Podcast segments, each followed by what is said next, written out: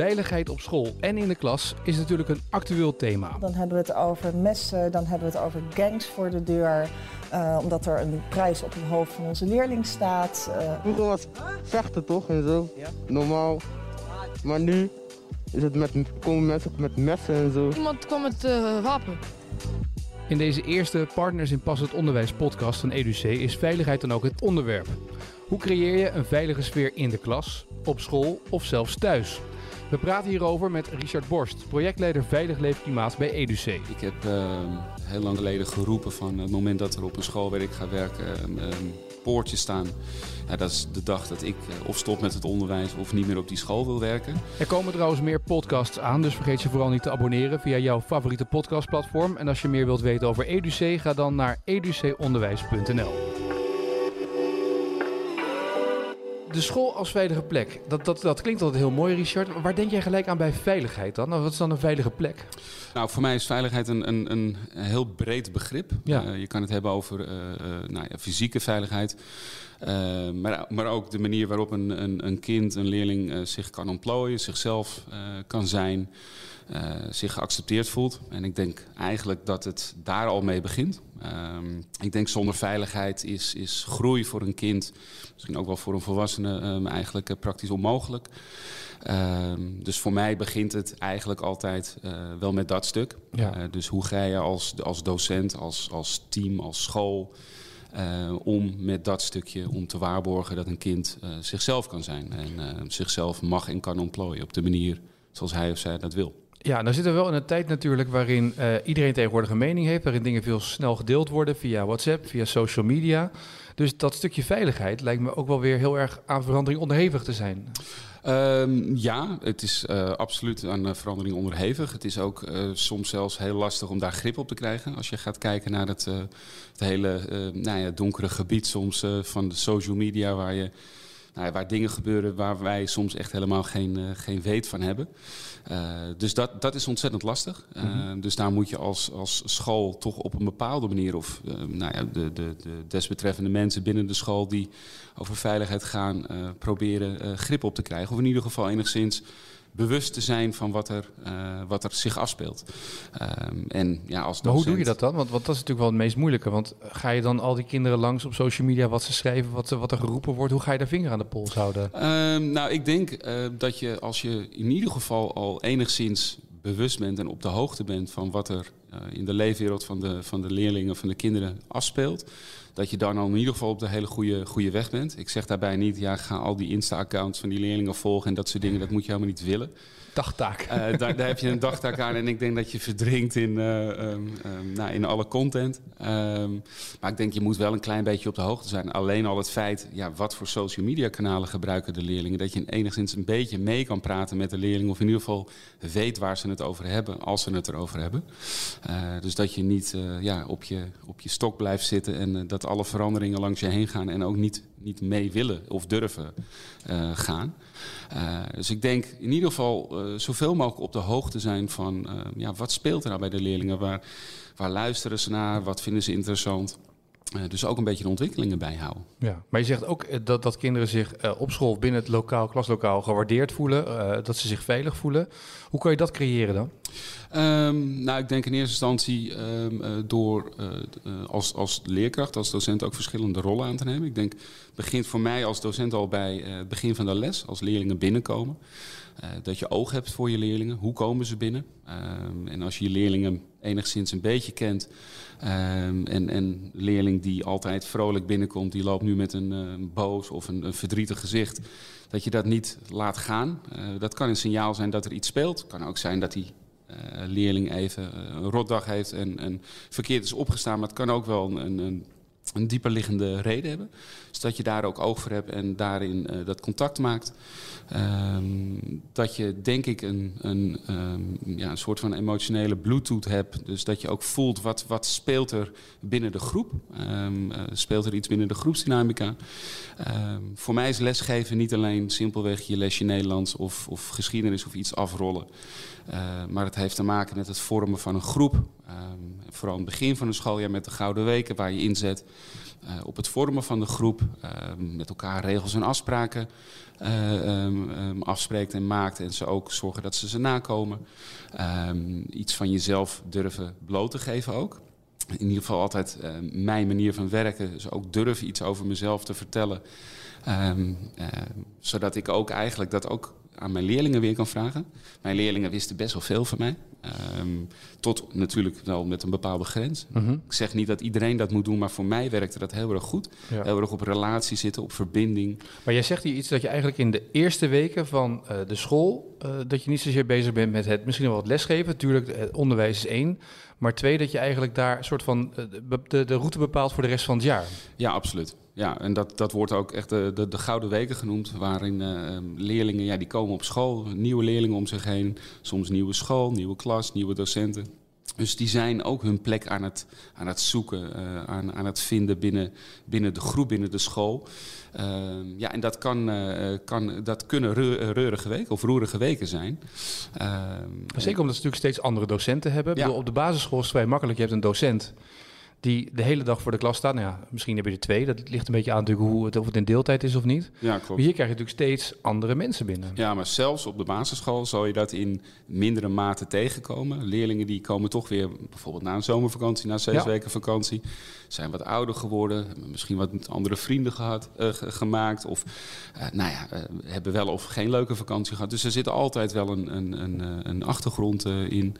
Maar vooral ja, de, de wat oudere kinderen natuurlijk, ja, die, dat zit er nou eenmaal in. Die willen een plek hebben, die willen een positie hebben. Um, en, en het is aan jou onder andere als docent om dat in goede banen te leiden en om ervoor te zorgen dat uh, de klas een groep gaat worden en een groep blijft. Um, en daardoor hopelijk ook uh, een zo, zo, veilig mogelijke groep uh, kan zijn. Ja.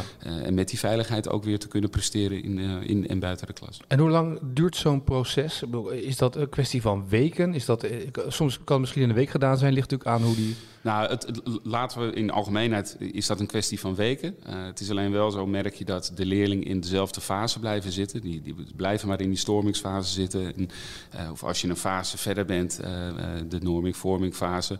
Maar je merkt dat het toch nog steeds een onveilige groep is. Ja, dan zal je weer terug naar die basis moeten. om het even heel zwart-wit te zeggen. om toch weer in te zetten op die veiligheid. En met die leerlingen continu te blijven bespreken van jongens, wat gebeurt er nu? Dit zijn de afspraken die we met elkaar hebben gemaakt. Uh, nou, ik merk. En dan ga je het, het, het gesprek aan met die leerlingen. Ja. En ik denk dat je die leerlingen daarin ook heel. Uh, nou, echt als een volwaardige gesprekspartner mee moet nemen. Uh, tot een bepaalde hoogte natuurlijk. Want er zijn natuurlijk regels en afspraken. Uh, er moet een bepaalde structuur zijn. ja, en er zijn natuurlijk altijd leerlingen en ook volwassenen, uh, die zich soms uh, ja, niet willen conformeren aan, uh, aan, aan de groep, ja. aan de veiligheid. En ja, dan moet je ook durven in te grijpen. En durf jij ook de regels van de klas over te laten aan de groep in eerste instantie, dat ze samen, samen die regels bepalen, omdat dan het eigenaarschap ook bij de klas ligt? Of bepaal je als docent aan de voorkant, dit zijn mijn regels en wat kunnen we eraan toevoegen van jullie? Of hoe, hoe doe je dat? Nou, dat is niet uh, echt mijn, uh, mijn stijl, moet ik eerlijk zeggen. Ik, ik, ik hou er wel van om dat samen met de groep te doen. En het zal je nog verbazen over het algemeen met wat voor regels de leerlingen komen. Want het is mij wel duidelijk geworden um, nou, in, mijn, in mijn schoolcarrière dat leerlingen en ook de, de, de wat moeilijkere leerlingen heel veel waarde hechten aan, aan structuur, aan regels en afspraken. En dat ze daar veel beter uh, op gedijen dan wanneer het uh, nou ja, los zand is. Uh, dus ik denk absoluut dat uh, die leerlingen dat kunnen. En natuurlijk he hebben dat, heeft dat soms wat bijsturing nodig. Um, en kan je ook als docent vragen, ja, jullie komen met deze regel, maar nou, zullen we hem nou eens echt, echt even bespreken hoe dat dan in de praktijk eruit zou komen zien. En dan komen ze er soms vaak wel achter van, soms vaak, komen ze er wel, vaak. vaak wel achter uh, dat dat wellicht toch niet zo'n handige regel is. Maar ik denk dat het over het algemeen, dat je dat redelijk samen met de groep kan doen. Dat moet ook samen zijn, want jij als docent maakt ook deel uit van de groep. Ja, maar op het moment dat jij het oplegt van bovenaf, is het natuurlijk makkelijker voor leerlingen om te zeggen, nou bekijk het eventjes. Ja. Dat zijn jouw regels. Nou ja, ik denk als je gaat kijken naar uh, bepaalde regels die van bovenaf voor volwassenen worden, uh, uh, worden gesteld. voor nou, hetzelfde toch? Dan voel je hetzelfde. Dat ja. voel je soms best wel wat weerstand. En wat, wat, bieden, wat zijn de eerste dingen die leerlingen noemen als het gaat om hè, de regels en de veiligheid in de klas? Wat zijn de eerste dingen die, die zij noemen? Um, nou, dan kan je het hebben over uh, uh, elkaar uh, ja, niet pesten, elkaar laten uitspreken. respect hebben. Het woord respect is vaak wel een heel groot woord. Uh, ook een heel breed begrip. Dus dat vind ik altijd wel een heel interessant gesprek om uh, met leerlingen te hebben van ja, wat betekent respect dan uiteindelijk?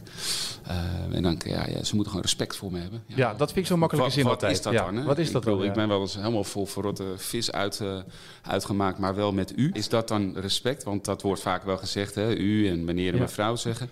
En, en dan? Wat is dan de discussie? Want is dat dan voor hun respect? Nou, nee, ja, kijk, daar begint het denk ik mee, omdat dat heel een, een, een, een hoorbaar iets is. Um, uiteindelijk ga je natuurlijk praten over gedrag um, en over houding en um, dat dat ook wederzijds moet zijn. Want het moment dat ik als docent een ander voorbeeld geef dan, dat ik wat, dan wat ik van ze vraag, ja, dat, dat is ook natuurlijk uh, verwarrend.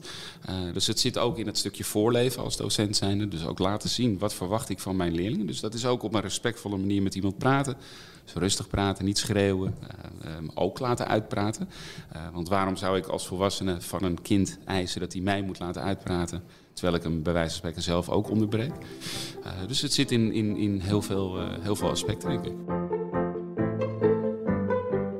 Veiligheid in de klas, begint dat nu in de mentorklas of is het juist iets wat je schoolbreed moet aanpakken? Want je kunt als docent keihard werken aan een veilige klas, maar als een collega vervolgens een hele andere stijl hanteert. Dus het lijkt raadzaam om het thema veiligheid schoolbreed aan te pakken en docenten op één lijn te krijgen. Uh, ik denk dat je met, met het team inderdaad duidelijke afspraken moet maken over wat voor gedrag uh, uh, is acceptabel en wat voor gedrag moeten we ja, moeten we niet accepteren. Uh, dat gaat ook over hele simpele dingen als over telefoongebruik.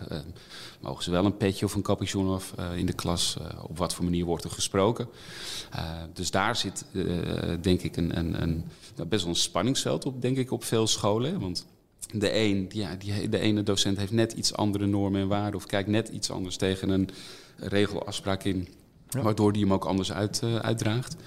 Uh, dus dat is denk ik bij heel veel scholen wel een, een, een nou, regelmatig terugkerend spanningsveld. Van ja, maar uh, wat was nou ook weer de afspraak? We hadden afgesproken. Maar mag een petje in de klas? Dat, dat verschilt bij, bij scholen. De ja. meeste scholen waar ik kom zijn petjes en capuchons af. Ja. vind ik ook een, een, een, hele duidelijke regel. Een hele duidelijke afspraak.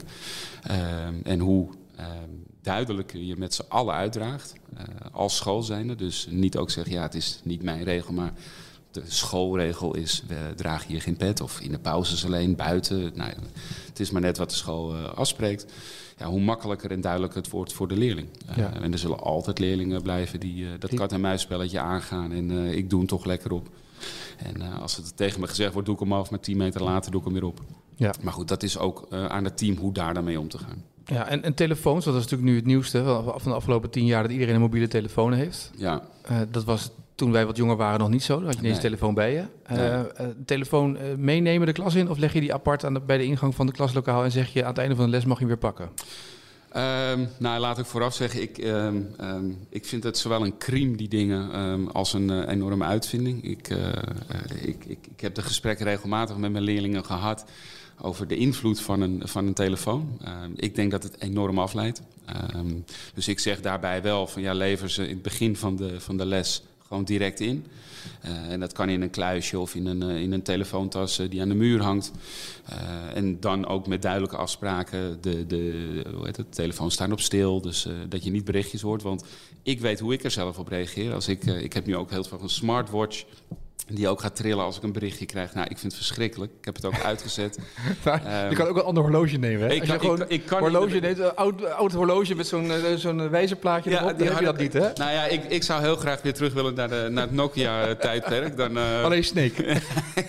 ja.